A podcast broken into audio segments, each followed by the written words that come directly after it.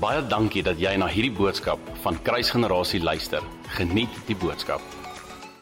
So Bill Johnson say you have to if you create history with God, he will create history through you. Dit is belangrik dat jy kan terugkyk op jou lewe en sê Here, U was faithful, U was faithful. U. Um dan kan 'n quote wat Mike Bickle gee net voor ek so in my boodskap ingaan waar hy sê that radical Christianity is not attending camps and conferences. Dis nie radi radical Christianity nie. Hy sê radical Christianity is being steadfast for decades. Want dit is 'n leefstyl. Weet ons wil baie vinnig korda praat. Wie was ons almal was tieners? Gaan op 'n kamp. Jy sê dit was lekker en dan vir so 2 weke is jy aan die brand en dan begin jou lewe maar net meer duik. Is omdat baie mense dink Jesus is net by konferensies. There's no for many there's not a reality of yes my is elke dag by my. Hy maak dit sin wat ek sê? OK. Ons is Yes. Yes. Sien net dankie, hy weet. So mooi wat hom daan sê, even in worship baie keer, ons het nie nodig om eers te sing vir 'n deurbraak nie, hulle. Ons kan. Hy weet wat jou hart nodig het. So baie keer kan ons eerder net sing hoe mooi hy is en hoe groot hy is want die die transaksie, die exchange vind net plaas outomaties. En dan stap jy daar uit uit jou binnekamer uit. Jy het nie eendag vir hom gesê Here asseblief kom net deur vir my nie. Jy het net vir hom gesê hoe mooi hy is en dan stap jy uit jou binnekamer uit. Jy sê soos my hart voel ligter. Sjoe, my pyn is weg.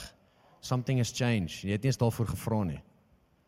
Um mentor van my het altyd gesê hy noem my Rietjie. Hy sê Rietjie, as jy R50 nodig het, het jy twee keuses. Jy kan either 'n gat in jou mat loop in jou sitkamer en warfare doen en shaka baba en karase bande op en af.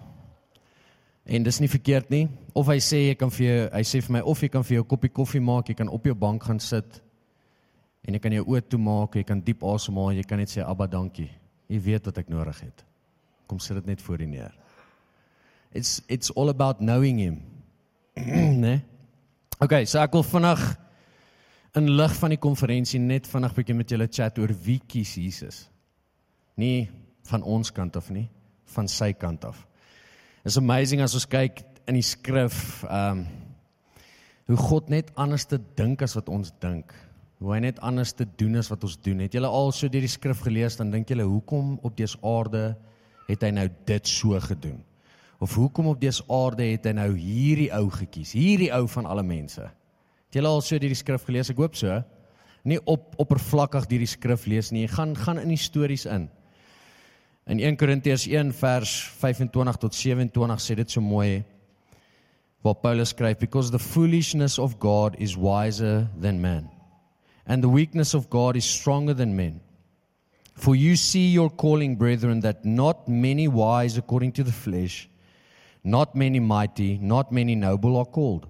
But God has chosen the foolish things of the world to put to shame the wise and God has chosen the weak things of the world to put to shame the things which are mighty. Dan in Jesaja 55 vers 8 tot 9 is dit so mooi waar hy sê my thoughts are not your thoughts nor are my ways your ways says the Lord for as the heavens are higher than the earth so are my ways higher than your ways and my thoughts uh than your thoughts. Ek sê altyd vir Anja uh ek sien altyd hierdie prentjie as ons eendag in die hemel is, um gaan dit vir my interessant wees om te sien wie's die naaste aan die troon. Het julle al so daaraan gedink? Nee, ek, ek weet nie of gaan daar sulke tipe rye wees of sitplekke soos in 'n kerk van 1 tot 10 en dan eindig dit by weet nie hoeveel biljoen of hoeveel miljoen nie. Maar ek wonder net by myself baie keer as ons hierdie skrifgedeeltes lees, hoe meet God? Ons praat ewen baie keer van sukses. Wat is wat is sukses in God se oë? Wat is suksesvolle bediening? Ja, ek het soveel Facebook followers, ek het at least 5000 of 500000. Nou sê ek, nou is my bediening suksesvol.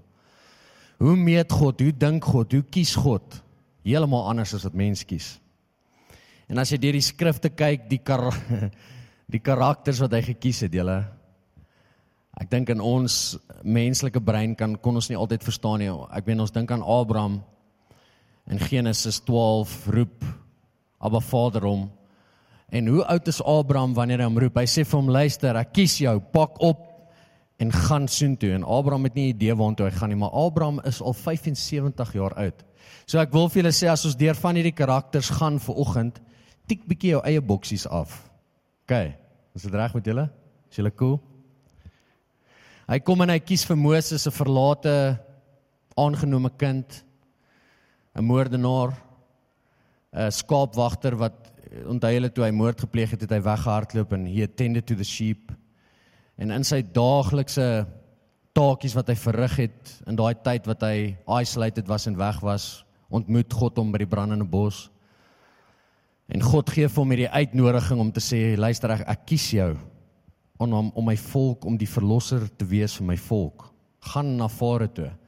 En wat wat so interessant is, Moses is so insekeer in homself, nê. Nee? Baie mense sê hy het 'n spraakprobleem gehad, baie mense sê hy het gehakel. Hy die skrif deel nie noodwendig dit met ons nie, maar ek kan net imagine dat sou hy gehakel het hoe lank die gesprek moes wees. Soos net 'n bietjie humor julle, sit tussenin. En sien ek hierdie prentjie waar Moses met God praat en God is soos ja, maak net jou sin klaar, laat ek verder kan praat. So ek weet nie of dit so sou wees nie, maar God kies hom. Jy weet Moses sê, Here, ek kan nie eens ordentlik praat nie. En dit is so mooi wat God vir hom sê, moenie worry nie. As jy voor Farao staan, sal ek vir jou wys wat om te doen en vir jou sê wat om te sê. Is dit nie mooi nie? God kom en hy kies Dawid, die jongste broer van agt broers. Hy stuur vir Samuel om hom te gaan salf. En hoor wat sê dit in 1 Samuel 16 vers vanaf vers 6 tot 7. So it was when they came that he to to Samuel by die familie kom. Uh that he looked at Eliab and said so Samuel kom aan en hy sien die oudste broer en en Eliab blyk vir hom soos peerspies fris en sterk en lank en Samuel dink dadelik in sy gedagtes dink hy ja Here moet sekerlik hy wees ek meen check hoe check sy stature en Hy's die oudste. Hy, hy moet tog gekies word en dit is so mooi God vir hom sê, "But the Lord said to Samuel, do not look at his appearance or his physical stature because I have refused him. For the Lord does not see as a man sees. For man looks at the outward appearance, but the Lord looks at the heart." So hy sê die skaapwagter seentjie, ook 'n moordenaar het egbreek gepleeg, maar God kies vir Dawid en hy sê luister, soos wat ek al met julle geshare het, deur jou gaan ek iets doen wat nog nooit in die geskiedenis van Israel gebeur het nie. My teenwoordigheid sal terugkom na waar dit behoort en die grootste move worship movement in daai tyd sal begin. Uh prophetic singers and Levites will worship unto the Lord day and night en God kies vir Dawid. As ons moet kom by die disippels, wil ek met die eerste een begin. Ek gaan nie almal uitkies nie, net 'n paar karakters. Ek wil by Petrus begin en soos wat ek oplees oor Petrus, kom ek agter dat baie het hom nie die disipel genoem het genoem nie, maar het hom die disipel genoem. Ehm um, Dat ek net 'n slukkie water vat. Lag nog so 'n bietjie. Die disipel of the disciple. Ag julle is net grappies, is nie afbreekend nie. Ek uh, ek dink wel as Petrus hier was volgens sy karakter sal hy my met die vuis geslaan het. So Jesus kom en hy kies hierdie visserman. Ek weet nie of Petrus eers regtig ordentlik kon lees of skryf nie. Maar hy kies hierdie visserman wat heavy tension in hom in sy hart gehad het, heavy emosioneel. Het julle al Petrus se journey gelees? Yes, die een oomblik is Petrus lekker braaf. Sê ek sal by staan. Ek weet nie Petrus dink for some reason hy sterker as God. En hy sê sommer ek sal ek sal die bodyguard wees. Jy onthou wat in die tuin gebeur het. Petrus kom sommer in sy emosionele tyd en hy chop sommer die ou se oor af. En ek dink Jesus is net soos, "Ja, yes, staan staan net terug dat ek net hierdie ou help." Jy weet so Shane Petrus is hierdie ou op en af. Jy weet hy ver, hy's braaf aan die een kant en aan die ander kant verloon hy sommer vinnig vir Jesus 3 keer. Hy sê hy sal op die water uitstap, dan stap hy op die water uit in baie bravade en dan sink hulle en sink hy in sy eie twyfel. En ek dink baie keer die vrouens wat saam Jesus geloop het, het baie keer na Petrus gekyk en vir mekaar gesê, "Luister, hy moes eintlik 'n vrou gewees het." Vol emosies, heavy up and down, maar Jesus kies hom. Saam met Jakobus en Johannes, hulle word gedoop deur Jesus as the the boys or the sons of thunder, soos in Afrikaans die seuns van donder. En ek dink hulle was dalk die seuns van donder. Ek dink Hulle het hierdie passie in hulle gehad, maar baie keer het die passie verkeerd oorgekom. En baie keer het die passie verkeerd oorgekom in die midde van die disippels. Ek weet nie wie van julle het al the chosen gekyk nie. Wat 'n beautiful uitbeelding. Jesus, hierdie boys is aan mekaar hè. Jesus is hierdie power struggle en nou's Petrus ook nog tussenin. Maar Jesus kies hulle. Jesus kom en hy stap in SARS in. En hy loop so deur die kantore, deur die tafels en hy sien ja, daar staan 'n mannetjie of daar sit 'n mannetjie sy naam is Matteus.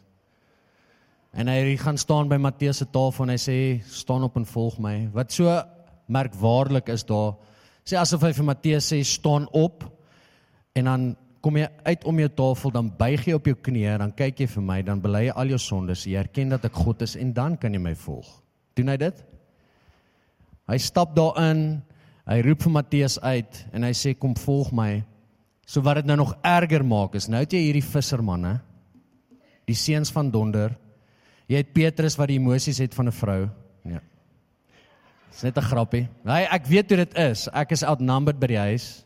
Bid vir my. Ek het 'n huis vol emosies. Ek's lief vir hulle. Ehm um, ehm um, so ek weet hoe dit is, maar nou het jy hierdie klomp manne bymekaar. Dis 'n power struggle. Nou stap hierdie Matteus in wat van SARS afkom, wat hierdie vissermanne se tax soek elke jaar. Hulle het 10 teen 1 al voor Jesus met Matteus te doen gekry Petrus die seuns van donder hierdie manne. Hulle sê Jesus Matteus uit SARS uit. Die een wat ons geld vat elke jaar. Nee, come on. Nou word Matteus ook nog deel. En Matteus het hierdie struggle in hom van Jesus, hy moet van die ouens ken daarom al bietjie vir Jesus. Hulle quote die skrif van Matteus, weet nie waar hy inpas nie. Ek meen hy het vir die Romeine gewerk. Nou moet hy as hierdie mannetjie wat agter 'n tafel pen pusher was, nou moet hy tussen hierdie rowwe vissermanne inkom. Besef jy die tension in sy hart, eintlik baie insecure, soek maar sy plekkie en as jy the chosen gaan kyk, sal jy sien hoe hy so in tyd met die tension in sy hart sy plekkie begin vind. Maar Jesus kies hom. Ons sien vir Thomas, baie mense sê shame die ongelowige Thomas. Dit kon dalk sy kansellasie gewees het om die team te join, maar Jesus kies hom. Is dit nie profound hoe eintlik in 'n mooi way ek ek weet almal praat altyd van Thomas as 'n ongelowige een, maar daar was tog 'n begeerte om sy hart om te sê luister, ek sal glo as ek werklik sien. En hoe dit nie vir Jesus 'n bedreiging was van luister, jy wil nie eens glo nie, jy wag nou tot ek die hele tyd jou ek dink jy moet my team join nie. Maar hy kies vir Thomas, hy sê join my team. Ek wil vir julle sê dat as jy gister jou hart vir Jesus gegee het, het jy vandag 'n dag se getuienis om te deel. As ek kan aangaan met die lys in die lig van daai quote, kom hy en hy kies vir Saulus wat Paulus word. Julle Saulus, soos wat ons hom ken, het een missie gehad. Soos wat ISIS het, soos wat hy was agter die Christene aan. En nie hoe nie, hy was wreed agter hulle aan. nou kom Jesus en hy verskyn aan hom op pad Damaskus toe. Paulus is in 'n oomblik blind want hy kyk letterlik in die glorie van Jesus vas. En in Damaskus bly hy en Jesus roep 'n profeet met die naam Ananias. En hy sê vir hom Ananias, ehm um, jy ken vir Paulus nie en Ananias is soos Here nee asseblief.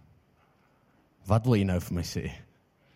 Nee, en die Here sê vir hom Ananias, jy ken vir Saulus. Jy ken hom nie. Ja, Here, wat wil jy nou vir my sê? Hy sê gaan Damaskus toe. Gaan lê hom die hande op laat hy met die gees vervul word want ek het hom geroep. Besef julle hoe baie bang Ananias moes wees, want Ananias was juis een van die wat Paulus ag sal agteraankom en met alles aan hom seker maak dat Ananias nie meer leef nie. En weet julle wat so profound is, so mooi, gaan dit vir julle lees vanaf in Handelinge 9 vanaf vers 17 tot 20.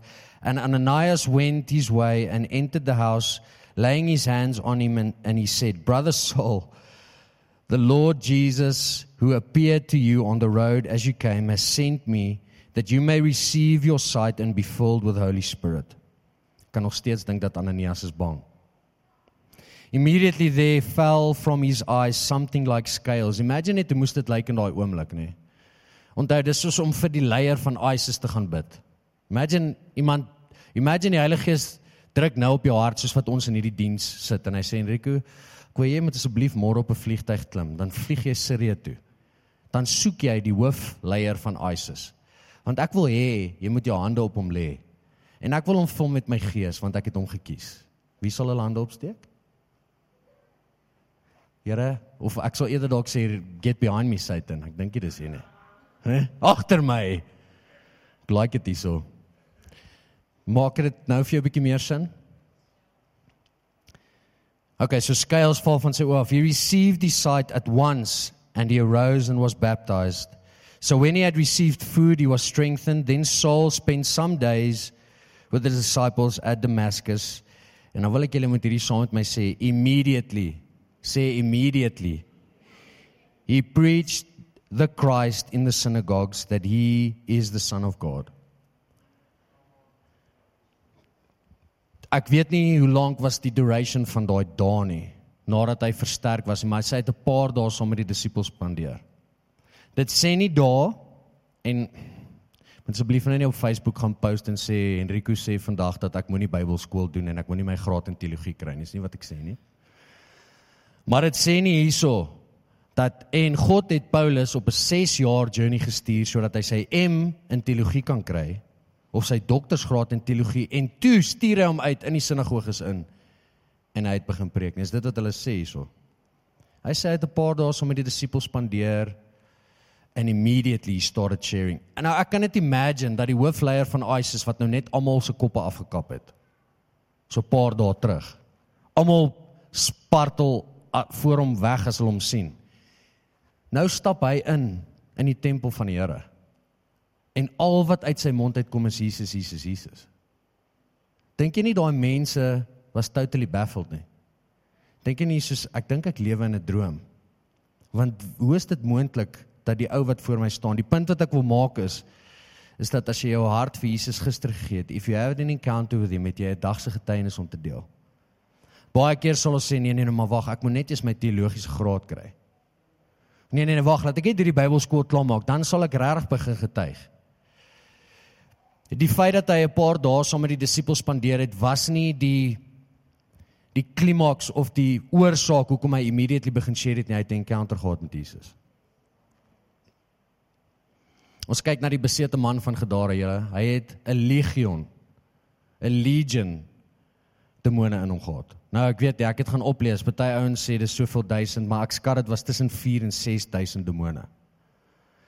Die skrif sê dat hy het in grafte gelewe. Hy het nie net in die begrafplaas geleef nie, hy het 10 teen 1 in van daai gate geslaap.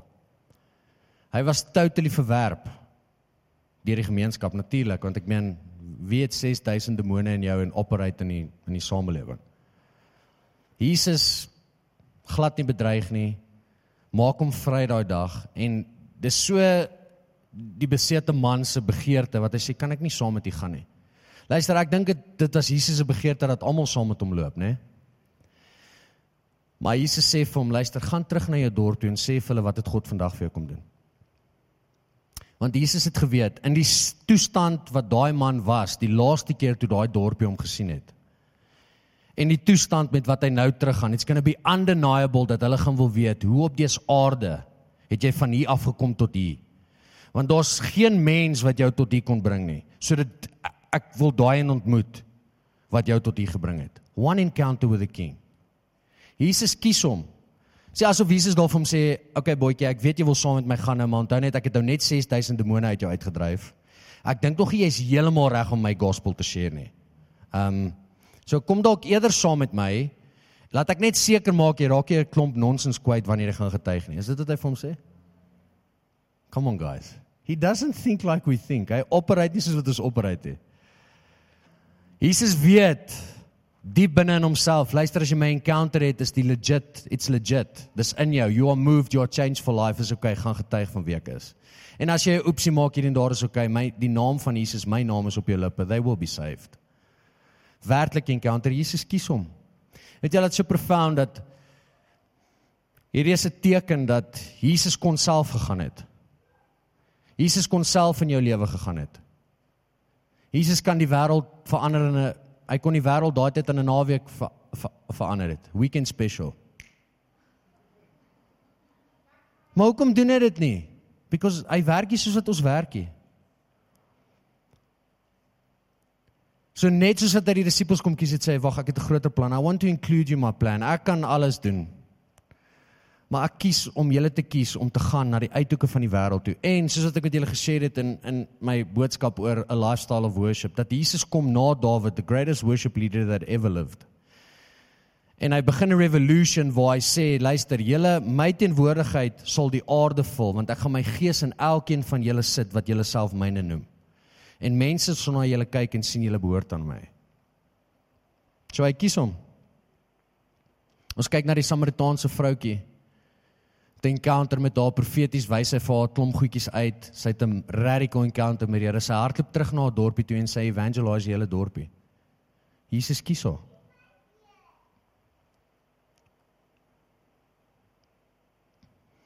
Julle baie keer en ek spesifiek deel hierdie onthou in lig van die konferensie wat verby is ook. Baie keer hou ons aan of ons diskwalifiseer onsself die hele tyd. Ek wil 'n voorbeeld gebruik uit uit Judges 6 of Rigters 6 vanaf vers 12 tot 15. Op hierdie stadium is die Israeliete moeg want die the Moabites, die Moabite is besig om hulle rottenkaal te steel oor en oor vir 7 jaar. Hulle het 'n oes dan maak hulle die oes bymekaar die Amalekiete en die in die Moabite kom en hulle verwoes net die hele tyd. Gideon is so down and out as deel van die Israeliete dat hy's besig om op om die wynpas te trap om net 'n paar kos weg te steek vir die Moabite wat wil kom steel. En die engel van die Here verskyn aan hom. En is so beautiful. Hoor hoor wat sê dit. And the angel of the Lord appeared to him and said to him, "The Lord is with you, you mighty men of valor." Okay, so dit is hoe God hom sien. Okay? Maar hoor nou hoe sien Gideon homself. Gideon said to him, "Oh my Lord, if the Lord is with us, why then has all this happened to us? And where are all these miracles which our fathers told us about, saying, Did not the Lord bring us up from Egypt? But now the Lord has forsaken us and delivered us into the hands of the of excuse the Midianites, the Midianite. Then the Lord turned to him and said, Go into this might of yours." and you shall save Israel from the hand of the Midianites. Have I not sent you? Then he said to him, No reply, Gideon. Oh my Lord, how can I save Israel? Shame, arme Gideon. Indeed, my clan is the weakest in Manasseh, and I am the least in my father's house. So God kom en encounter Gideon op sy laagste, nê? Nee, letterlik op sy laagste. Gideon se selfbeeld is down and out. God spreek hom aan en hy sê mighty man of valor ek het jou gekies en Gideon is soos Here onthou maar net my klang is die minste en ek is nog die minste in my huis het God dit geweet het God geweet hy dink so van homself het God geweet hy het so min selfvertroue weet jy wat 'n mooi ding van profetiese woord nê nee, baie keer ek onthou ek het vir 'n in lig van hierdie ek het vir 'n ou um in sekunda profetiese woord gegee min het ek geweet hoe, hoe sy karakter was en wie hy was, maar God was besig in 'n restaurasie seisoen in sy lewe. Hy was 'n ingenieur of hy is 'n ingenieur by Sasol.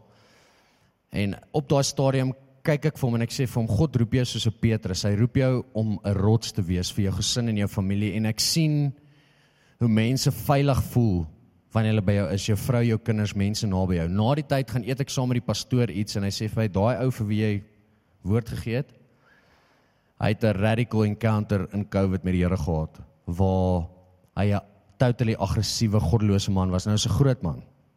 Nou is hy in hierdie leierskap soos hy het hierdie autoriteit as 'n ingenieur, voel dalk 10-10 en self-entitled. Weet nou sy by die huis en sy vrou en sy kinders loop op eiers die hele tyd rondom hom. Hy sê vir my die woord wat jy vir hom gegee het is nog nie heeltemal in vervulling nie. Maar God is besig met 'n met 'n restoration proses in hom. Besef julle dat God anders te sien as wat ons sien. Besef julle dat hy die goud in my en jou uitroep. Ek kon nou net op daai oomblik sê, "Ag, oh, shucks, ek het dit gemis." Ek uh, moet seker iets anders geprofeteer het. Maar dit was presies God se hart vir hom. Dit was nie sy dit was dalk nie nog nie heeltemal sy gesin en sy familie se realiteit nie maar dit was God se hart vir hom dat hy hom roep om steadfast te wees, om 'n veilige hawe vir sy vrou en sy kinders te wees, om 'n sterk veilige leier te wees vir die om hom, al was dit nog nie sy realiteit nie. God kom hier in Paulus ag in Gideon se lewe in en hy spreek iets in hom wat nog nie sy realiteit is nie, maar dit is hoe God hom sien en God kies hom. En ons weet wat gebeur daarna. Is dit nie profound nie? Hoop so. So ons kom baie keer net soos Gideon. God kom verskyn aan ons op ons laagste. Op ons journey en hy sê mighty man of valor, mighty woman of valor, ek kies jou.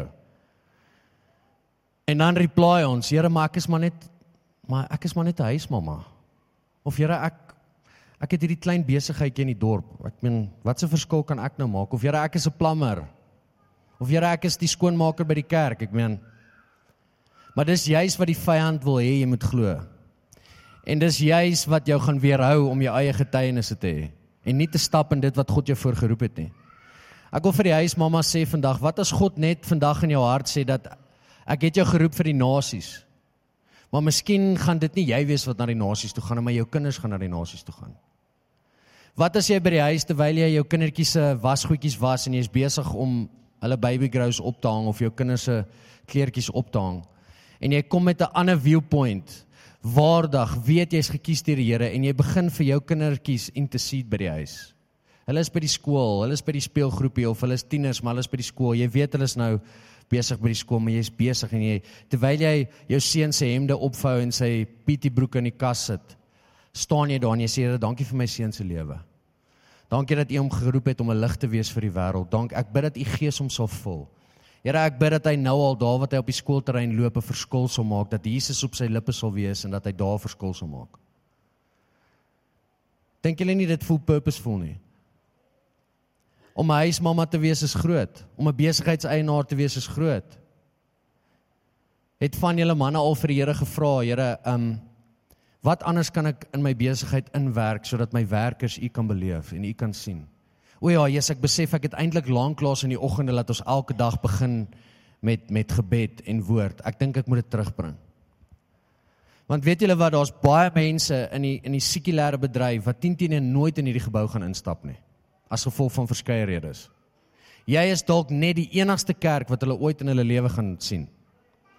Baie van julle wat in die sekulêre bedryf of in die privaat sektor werk, het 'n groter geleentheid as enige kerkleier om mense te bereik daar buite en as baie van evangeliste daar buite. So in lig van wat Johan Drey gesê het Dinsdag aand wil ek dit vra. Wie van julle in hierdie kerk wat hier sit vandag is voltyds in die bediening? Ek sal nog so 'n bietjie kans gee dat die penny drop. Steek op, wat ek sê. Mooi. Staan ek sien daar's nog so 'n paar wat nie voltyds is nie. Jy is voltyds in bediening. The day you gave your heart to Jesus, you stepped into ministry. Jy sien ons wil ewen kom in onsself diskwalifiseer en sê Here nee Enrico is daar. Pastoor Jan is daar. Nee, hulle hulle kan daai werk gaan doen. Ja, ek is nou gelukkig. Ek is nie geroep vir voltyds nie. Het baie keer wil ons daai verligtingskaart speel en sê ja, prys die Here. Dis taaf al buite, jy weet, hulle verstaan nie hoe dit daar buite gaan nie. Hulle het nie regte werke nie. Ek het gehoor toe ek voltyds in die bediening instap sê iemand vir my baie geluk net jy nie meer die regte werk nie. Maar hoeveel van ons diskwalifiseer onsself so? Né? Nee? Jy kan nie daai kaart speel nie.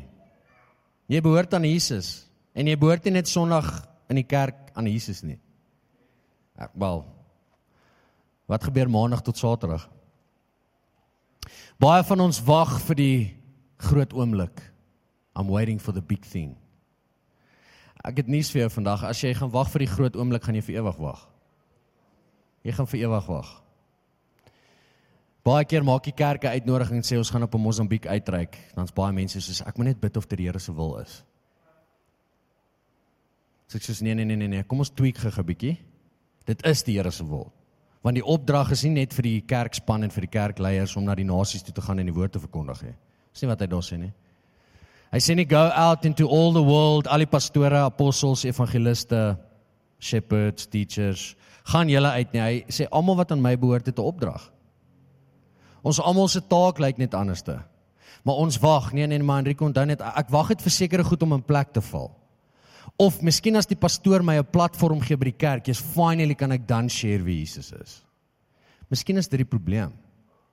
Miskien is ons oë so baie keer op mense want ons het so die verwagting. Julle en ek weet dit is so. Ek weet mense stap met teleurstelling hier in en hier uit want daar word nie vir hulle spasie gegee by die kerk nie. Maar newsflash. Die kerk is nie die gebou nie. Die kerk is ek en jy wat op 'n daaglikse basis uitbeweeg en die woord verkondig.